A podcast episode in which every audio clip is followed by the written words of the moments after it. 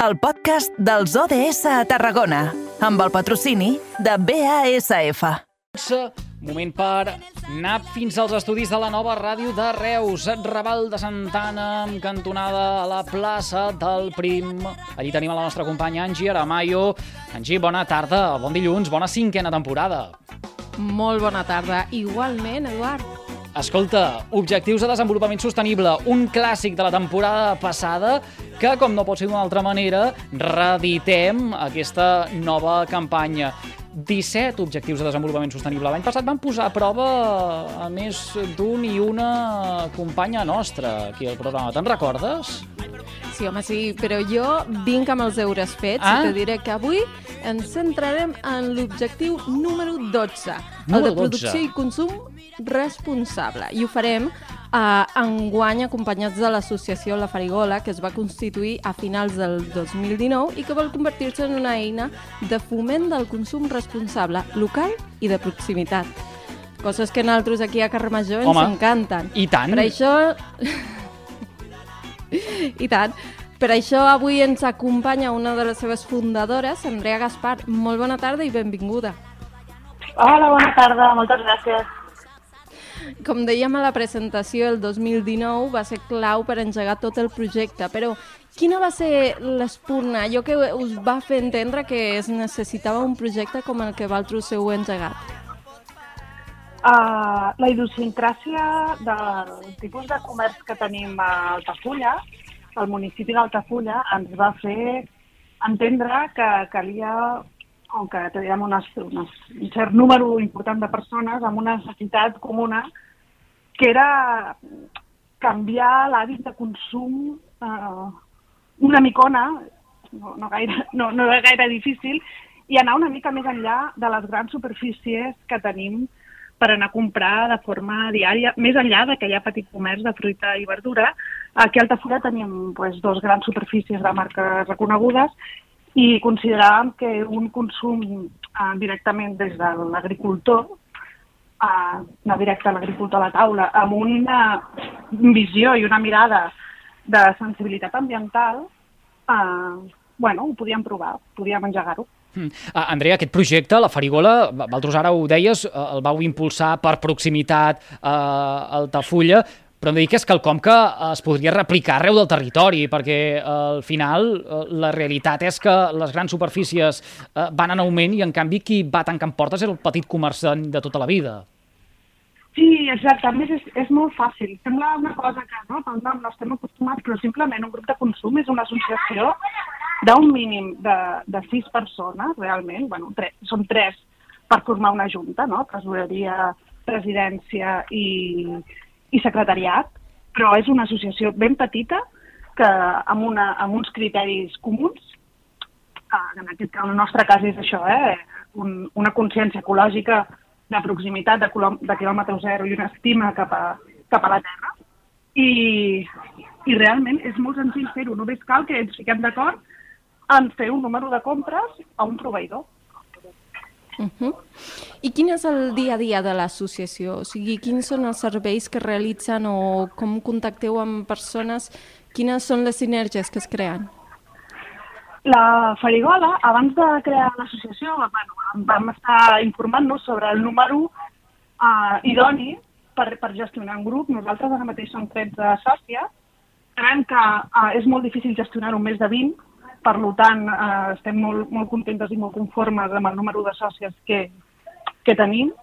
I el nostre dia a dia és que cada sòcia eh, busca un proveïdor que li vingui de gust i eh, eh, pregunta qui faria comanda. Tenim un grup de WhatsApp, per exemple, un proveïdor que està amb nosaltres des dels inicis és Horta Cal Marxant, de la Pobla Montornet, que està a un parell de quilòmetres, i simplement diem, bueno, qui vol cistella de l'Horta i es coordinem per un grup de WhatsApp i ja està, arriba a casa d'una persona que a les hores en les que es pot fer l'entrega pot recollir els paquets i durant aquella tarda anem passant. Nosaltres no tenim local, hi ha associacions que estan vinculades a un Ateneu i, i els és molt més fàcil aquest, aquesta gestió de recollida. Però és això, és simplement un grup de WhatsApp, uns interessos comuns, uns criteris que seguim totes, en aquest cas de sostenibilitat i comerç de proximitat, i anem del productor a la taula. Mm. Ah, en aquest sentit, per tant, Andrea, la proximitat d'una banda eh, i de l'altra, el fet que aquestes comandes es facin conjuntes, eh, això també pot acabar baratint els costos. Dic perquè sembla que al final només ens movem com a societat quan realment ens toquen o afecta la butxaca.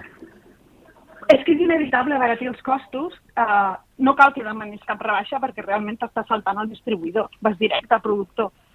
I, i per exemple, l'oli... Eh, molta gent no, no, no aniria a la cooperativa de Valls a buscar l'oli, però si tenim una companya que té cotxe, que treballa a Valls i farà comanda d'oli, ostres, doncs ja t'ho porta ella, només cal que paguis les garrafes. Sabem, anem eh, producte de temporada, eh, i és això, anem en funció de disponibilitat del grup i de, i de, i de productors propis. Però és que és això, quan t'estalvies el distribuïdor, ja és que el cost s'abarateix i quan compres quilos. L'arròs del Delta, per exemple, doncs anem, fem una excursió al Delta, pugem 25 quilos d'arròs. Això és molt més econòmic. I un cotxe. No 50 cotxes anant a buscar arròs, és un cotxe. El que passa a vegades és que, clar, quan parlem sense posar números, és una mica difícil d'entendre. Eh, per així dir-ho, ara que posaves l'exemple de, de l'arròs, de quants cèntims estem parlant de l'abaratiment quan ens traiem de sobre aquesta, aquesta part del distribuïdor? Uh, és que no només és el cost uh, directe del producte, és el cost en salut. Llavors, aquest cost en salut que ve a posteriori, i per comprar un producte bo i ecològic que no té pesticides, clar, quan, quan t'estalvies en, en, en anar després al metge, no? Perquè doncs perquè estàs menjant coses que no toquen. Aquest cost eh, és a llarg termini i, i no el comptabilitzem. Però eh, l'arròs del Delta, ara mateix no t'ho sé dir, però perquè encara no és collita, però eh, doncs un, no sé, un 10%, un 15%. Però la idea és que gent que no compraria aquest arròs de manera individual té l'oportunitat de comprar-ho a través d'un grup de consum. I a, a, llavors a, apropes productes de persones que en un principi no tindrien accés uh, de manera uh, comunitària. Mm. Uh, Andrea, uh, ara que aquests termes, consum responsable, cada més són, uh, que cada cop són més en boca de tothom, ara que sembla que qui més qui menys s'ha posat a fer els deures amb els objectius de desenvolupament uh, sostenible, quin futur li augureu a grups de consum, per, per exemple, a la Farigola o d'altres que puguin sorgir al uh, territori? Doncs creiem que, que és el consum de demà, que o ho fem eh, perquè estem disposats a fer-ho o el planeta ens obligarà a fer-ho d'aquesta manera. Uh, crec que és el futur. Crec que, que estima la terra i els pagesos uh, sap que s'ha de ficar directament en contacte amb, amb, amb, amb això, amb el pastor i amb les cabres i amb, amb, amb qui manega la terra. Fa poc van haver-hi incendis, no? I ja es, parla, es parlava de, de la forma que tenim de cultivar, no? de que estem perdent el treball amb la terra. bueno, doncs un grup de consum directament treballa amb qui treballa la terra. Ah, és inevitable, ho, acabarem fent, eh? El millor és fer-ho a poc a poc, sense pressa, sense angoixes, i gaudint el viatge, però aquest viatge es farà. Si volem continuar vivint al planeta Terra.